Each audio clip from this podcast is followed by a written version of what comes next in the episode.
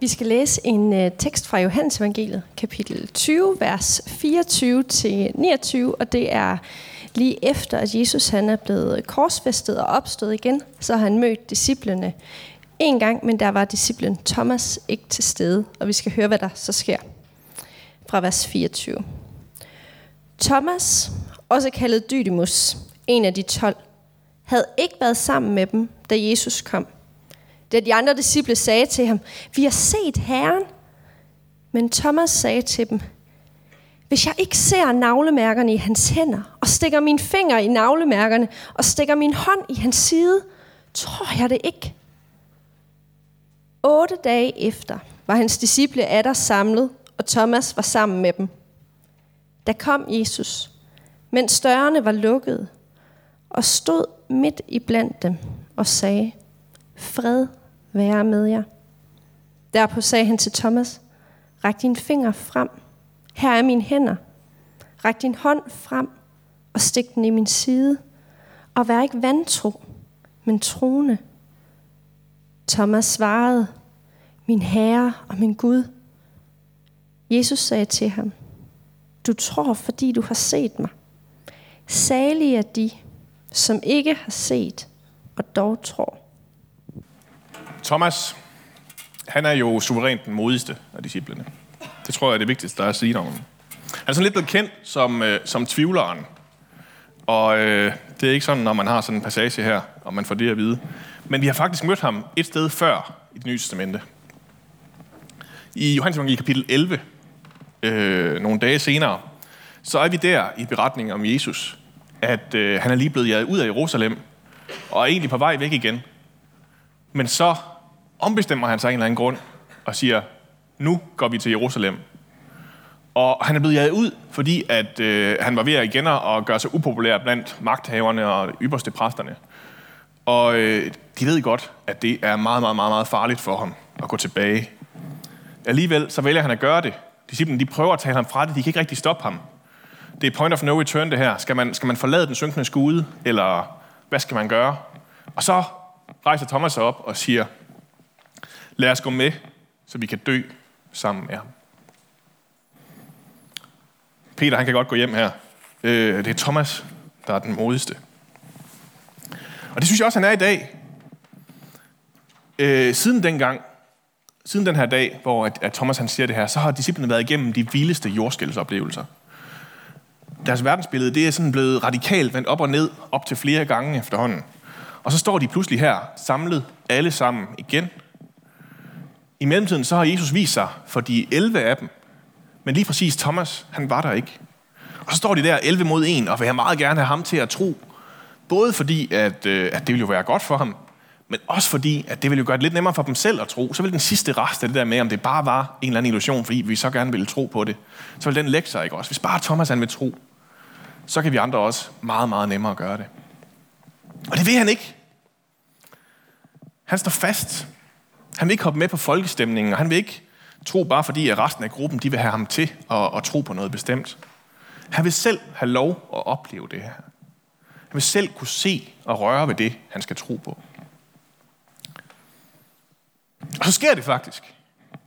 Lige pludselig så står Jesus midt foran ham. Og ikke bare det.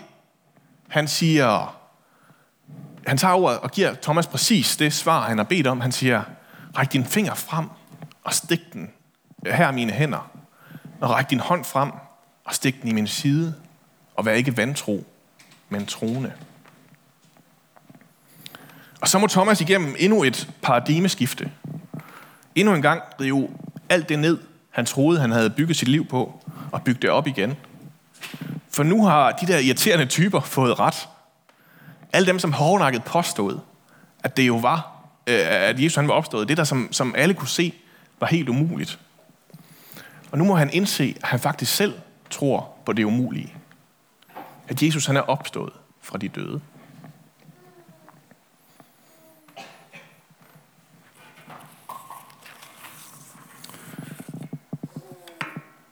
Jeg tror, han, han, han ryster lidt endnu. Øh, men alligevel, så, så er jeg ret misundelig på Thomas. Jo, jo, teksten slutter af med det der med, salige er de, som har set og dog tror, øh, som ikke har set og dog tror, og alt det der. Men altså, jeg vil til hver en dag bytte lidt salighed for at få lov at se. Øh, den, den handel, den, øh, den har du ikke nogen med. Hvad gør alle vi andre? Hvad stiller vi op med tvivlen? For de fleste af os, der ligger den der sådan hele tiden latent og venter på at stikke sit grimme ansigt frem. Der skal ikke sådan andet end små begivenheder til nogle gange til sådan helt at ryste os i vores grundvold. Måske er det løgn, det vi prøver at bygge vores liv på. Øhm, det skal vi lige se en video med, hvordan det ser ud.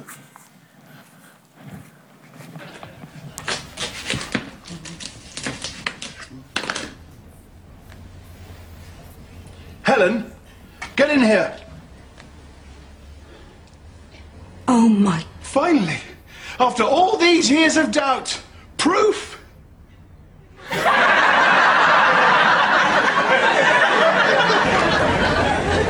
Atheists from around the world are converging here and queuing for hours just for a glimpse of the miraculous fruit section. Let's see if we can talk to one of them. Can you tell us what you've seen? Oh, what can I say? My, my faith's been completely destroyed. Oh, right, so you were a believer. Oh, yeah. I've got this tomato. You can just see the initials, JC. Oh, it looks like there's a B there as well. It says JCB. Yeah. yeah. Well, that doesn't matter now, does it? This melon blows my tomato out of the water. I mean, it's a full sentence. There's punctuation and everything. That's, that's good enough for me. Like the fruit says, there is no God. So, what will you do now? Uh, Call a prostitute, I suppose. And joining us now is Reverend Stephen Murray. So, Reverend, what's the church's take on this? Is God done for? No, obviously, there is a God and he's fine. This is just typical silly atheists getting carried away. They look at a random pattern in a piece of fruit and think they found some message in it. So, it's meaningless. Absolutely, there are a million atheists who've cut open pieces of fruit today and found no such message, just the tasty flesh and seeds that God put there for them to enjoy. This particular atheist happens to have found a piece of fruit that happens to resemble writing, and he's projected his own meaning onto it. It's ridiculous. I mean, you could equally say, look at all the horrible suffering in the world and say that that proves that there's no God. And that's a good point. So, how do you explain the message? Well, it's probably just some random mutation in the watermelon's genetics. Oh, no, wait, not that. Hvad gør vi den dag, vandmelonen bliver fundet mig? Øh, jeg synes virkelig, det er en god sketch, fordi den skærer så elegant begge veje, ikke også? Det er et dobbelt paradoks, det her. Hvem i alverden har lagt de her frø i vandmelonen og skrevet, at der ikke er nogen Gud? Beviset, det er en modsigelse i sig selv, på en eller anden måde. Øh, hvem er det, der har fortalt dem, at Gud ikke findes? Og derfor så står man stadig tilbage med tvivlen. Lige meget, om man mener det ene eller det andet. Vi får ikke den her sikkerhed. Vi får ikke den her frugt, der taler til os, eller det toastbrød på vejen. Og det har også gjort, at der er nogen, der sådan har, har kommet med et helt nyt take på det at tvivle. Jeg læste en bog, der havde taglinen, at tro er menneskeligt, at tvivle er guddommeligt. Eller, eller som øh, PH har sagt det, det har altid været tvivlen, der flytter bjerge. Kommer den op? Det gør den der. Fantastisk. Øh, og det har han jo ret i. Vi har brug for tvivlen. Det er der, de store gennembrud sker, når der er folk, som øh, har stået ved deres tvivl, og simpelthen ikke har fået det til at give mening, at jorden er flad, eller, eller har stillet spørgsmål til ved, om ubegrænset CO2-udledning måske alligevel er så godt. Det er når Copernicus og Galilei, de har stået ved deres tvivl og taget de nødvendige konsekvenser af den, selv når det kostede. Og derfor så har vi meget at takke de store tvivlere for. Tvivlen, den skal tages seriøst. Det skylder vi både os selv og den. Vi er nødt til at gå ned af de stier, den viser os, og undersøge, om det faktisk fører et bedre sted hen. Men derfor kan det jo godt gøre frygtelig ondt alligevel at bære rundt på den her tvivl. Til hver en tid, så vil jeg bytte min uvidshed for at stikke fingrene ind i det her betændte sår og få mit bevis. Men måske er det faktisk alligevel lidt rigtigt at sige det her med, at tvivlen er guddommelig. Vi deler den i hvert fald med Gud. På korset, så råber Jesus i hvert fald, min Gud, min Gud, hvorfor har du forladt mig? Og der er jo rigtig mange debatter om, hvad det er præcis, Jesus han mener her. Lige fra de første tilhører, som tænker, det lyder som om han kalder på den store profet Elias, til senere, hvor debatten stadig kører blandt teologer, om det er, om Gud faktisk forlod Jesus på korset, eller om han kun oplevede det sådan. Men lige meget hvad, så oplevede Jesus det, som mange af os har oplevet. At Gud er væk. På korset, så bliver Jesus ateist. Selv den menneskelige mulighed bliver Jesus en del af. Men ligesom alle os andre, så, så, så, så findes den her rene ateisme ikke. Øh, der er ikke nogen, der kan finde ud af at være det, når det kommer til stykket. Der er det her almengyldige fænomen, at der ikke findes nogen ateister i skyttegrave. For lige pludselig så står vi alligevel der, hvor vi får brug for Gud. Hvor vi henvender os til den Gud, som vi egentlig synes ikke var der. Skriger ud i vores smerte over, at han er nødt til at skulle være der igen. For vi kan ikke finde ud af at leve uden Gud. Eller det er vi måske egentlig ret gode til. Men vi kan ikke finde ud af at leve i en verden, hvor Gud ikke eksisterer. Hvor der ikke er nogen, der har styr på det. Og der er ikke nogen, der bærer ansvaret for den her ødelagte verden. Og som finder sig i, at vi roder rundt i det. Og det ene øjeblik har besluttet os for, at nu er Gud død og borte. Og det andet øjeblik, at han skriger ud efter ham om, at han skal komme igen og redde os, når angsten den er ved at overmande os. Og så bliver det endnu vildere. For den Gud, vi nogle gange bare vil ønske var død, han dør faktisk. Han er nødt til det. For vores skyld. For sandsynligvis, så er den Gud, vi tvivler på, nødt til at dø. Den Gud er min radikale påstand i dag. Har nemlig ikke særlig meget med Gud at gøre, men med alle vores forestillinger om, hvem han er. For for mange af os, så er problemet ikke, ikke nødvendigvis særlig intellektuelt funderet, når det kommer til stykket. Det er ikke fordi, vi har fundet en masse gode argumenter. Problemet det ser snarere sådan her ud. Næste billede. Jakob. Vi vil gerne gøre Gud til så åndelig en størrelse som muligt. Der er mange måder at gøre det på. Man kan både leve, hvor, hvor, hvor vi sådan får lavet sådan en fin, bygge sådan en fin glasvæg mellem vores virkelige liv, og så sådan, som vi føler, vores liv burde være oppe ovenover. Og der er mange måder at bygge den her glasvæg på. Man kan gøre det på flere måder. Man kan både leve det der vilde, karismatiske liv, hvor man jagter den ene oplevelse efter den anden. Men man kan også gøre det i den anden grøft, og leve hele sit liv med sådan en akademisk, distanceret distance til, til, til det med Gud. Ja, selv vores gudstjenesteliv, det kan faktisk godt blive en måde at bygge den her mur op på, hvis vi gør det forkert. Bygge den her mur mellem vores åndelighed og resten af vores liv. For hele tiden så bekræfter vi status quo, og lader ritualer og lovsang beskytte os mod at, test, at konfrontere os selv med vores tvivl og vores erfaringer og tage dem seriøst. Vi kan slappe lidt af med vores tro, fordi at så kan præsten bare tro for os. Så går det lidt bedre. Og så prøver vi at undgå at blive forstyrret af alt det, der ligger nedenunder glasfladen. Vores erindringer, vores behov, vores sorg, vores længsler, vores synd, vores vrede, vores frygt og vores bindinger. De skal hele tiden holdes i skak, så jeg kan udvikle min gode og fromme og åndelige relation til Gud. Og for en eller anden måde, så får vi bildet os selv ind, at det er nødvendigt. Men ligesom i alle andre relationer, så er det ikke det nedenunder glasfladen, der smadrer det. Det er det, at vi prøver at holde det skjult, der smadrer det. Så længe det ligger dernede, så bliver vores relation til Gud en overfladisk og ligegyldig relation. Så er det en fuldstændig livløs Gud, vi kommer til at tro på, fordi vi ikke har vores eget liv med. Normalt så er det der nede under glasfladen jo ikke særlig godt skjult. Det er en glasflade. Det er, det er ikke skjult i mørket, det er faktisk bare skjult i the light of day. Men hele tiden så ligger det i vores fortælling om os selv og spære.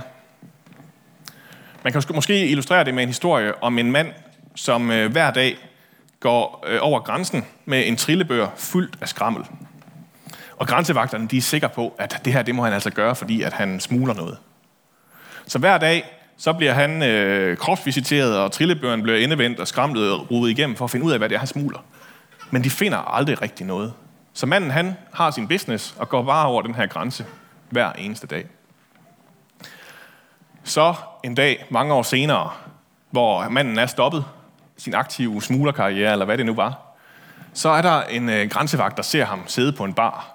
Og han går over og siger, nu skal jeg simpelthen finde ud af, hvad det var det her. Så han, han spørger, nu kan du jo godt fortælle mig det nu, jeg skal nok, der er ikke noget, øh, hvad hedder det, for, forældelsesfristen er, er, er gået ind og sådan nogle ting. Hvad var det, du smuglede alle de år? Og manden svarer, det var trillebøger. Sådan ligger det også for os. Vores idealiserede selv er blevet så meget en del af, hvem vi er, at vi er helt blinde for, hvor meget det egentlig skjuler. Vi brokker os over vores polerede identiteter på sociale medier. Det kan vi godt finde ud af. Men det er jo ikke det der, vi viser på sociale medier, der er problemet. Vi vælger jo selv, hvad vi poster. Men min Instagram-facade, det er jo præcis et udtryk for, hvordan jeg ser mit idealiserede, polerede liv. Sådan jeg, som jeg synes, mit liv burde være, sådan som andre burde opfatte mig. Og alt det andet, alt det, som også er mig, det bliver skubbet langt med, ned under glasfladen. Og det er der ikke nogen af os, der kan holde til i længden. Og det kan vores relation til Gud slet ikke holde til i længden. Så før eller siden, så går der hul på den her glasvæg. Næste billede. Og det sker ikke nødvendigvis med vilje. De fleste af os, de vælter, vi vælter ned i kælderen, når der sker noget, som gør, at presset pludselig bliver for stort. Så vi ikke længere kan stoppe med at lappe alle stenslagene, der er kommet. Og det er ikke rart, når der går hul på muren, og vores åndelighed og vores gudsrelation, de pludselig skal blandes sammen med alt det lort, som vi har mest lyst til at gemme væk. Alt det i vores liv, som vi har så svært ved selv at stå ved. Det opleves kaotisk, og det er der, man føler sig forvirret og forladt. Og Gud, han dør. Eller mit gamle billede af Gud, det dør i hvert fald.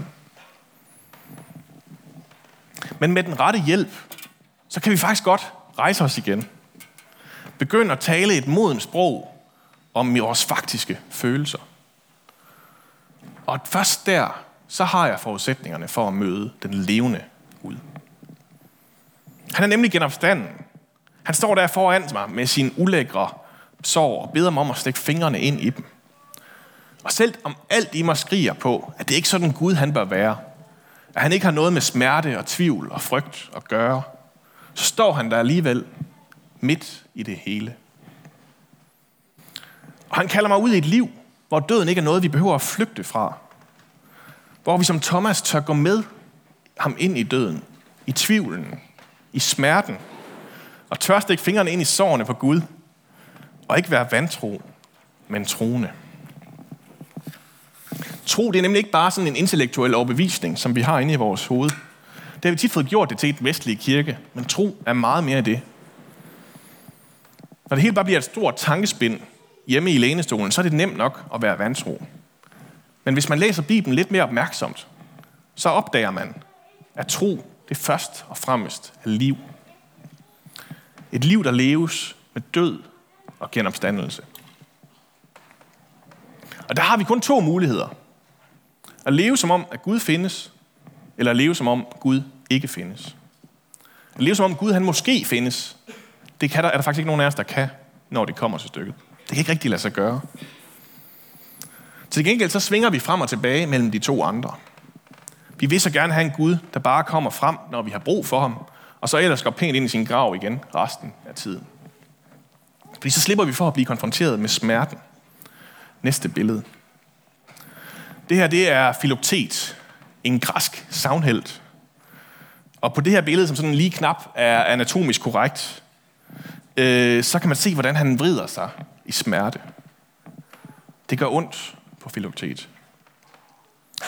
Filoktet, han har arvet selveste Herkules' våben. Og han er en stor, stor kriger. Men han har også det her sår i foden. Og der er mange forskellige historier om, hvordan han har fået det. Jeg tror, jeg er på noget slangebid af en eller anden art. Og det her sår, det vil ikke læge. Det bliver ved med at rådne. Og det stinker noget så grusomt. Det stinker så grusomt, at de mænd, han sejler sammen med, de til sidst ikke kan udholde stanken længere og sætter ham af på en ø. Og de tager så til trøje alene. Men 10 år senere, så finder de ud af, at de faktisk skulle bruge Filoktet for at indtage trøje. De skulle bruge ham og hans våben. Og derfor så er de nødt til at vende tilbage og hente ham hjem igen. Og det brokker han sig forbavsen lidt over. Øh, men øh, kommer med, og de udholder stanken, og øh, trøjer bliver indtaget. Det er også sådan, vi forbavsende tit behandler Gud. Vi sætter ham så hurtigt af igen, vi kan, så vi kan slippe for den her lugt. Slippe for at kunne, skulle konfronteres med det i vores liv, som ikke er, som det burde være. Det, som vi har mest lyst til at gemme væk. Men så er det, vi får brug for ham igen. Eller vi får i hvert fald brug for hans våben. Og så køber vi tilbage, og så henter vi ham igen. Og så springer han på båden igen. Og mærkeligt nok, så gør han det også, uden at brokke sig. Han springer til og møder os midt i det svære.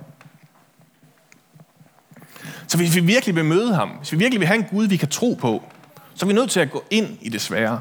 Så er vi nødt til at smadre glasvæggen og møde Gud, der hænger der på korset og dør for det, vi ikke selv kunne håndtere. Indtil vi står ved den Gud, så bliver vores tvivl ved med at være et vilkår. Så holder vi Gud ud i en armslængdes afstand. Og det finder han sig mærkeligt nok i, fordi han elsker os. Men så er han nem at tvivle på, nem at vende blikket væk fra igen. Men hvis vi i stedet tør tage den anden vej, lukke Gud ind i vores inderste, ned i det lort, vi selv har fortrængt godt og grundigt, så møder vi den ægte Gud. Den Gud, som er død og genopstået for mig. Og Gud, vi siger dig tak, fordi vi lever. Det prøver jeg at bede om, selvom jeg stadig er ramt af tvivl. Øh, tak fordi du lever. Gud, må du møde os midt i vores tvivl. Midt i resten, resterne af vores falske, idealiserede selvbillede. Må du møde os i det, som vi ikke har lyst til at blive mødt i. Må du træde ind i vores båd igen, selv når vi stadig kan lugte sårene fra korset. Gud, tak fordi du altid står klar. Tak fordi du ønsker at forstå os og kommer os så meget i møde, at du selv mistede troen på Gud på korset for vores skyld.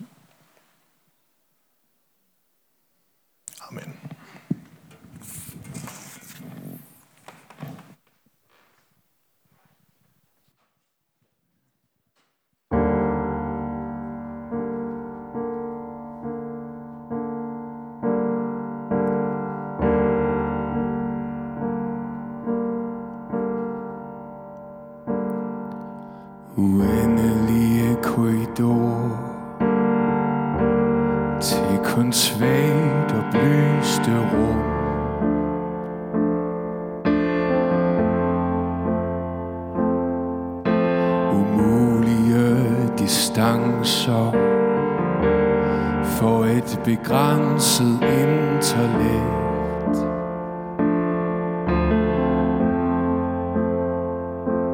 i en tragisk forestilling om egen formåen vrides hjernen til sidste dråbe. Det er ikke nok.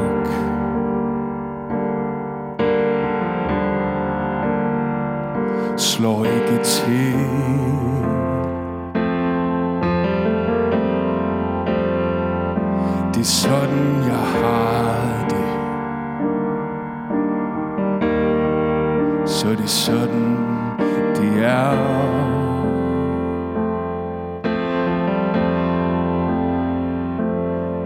En dag så går jeg mod glæde Mod den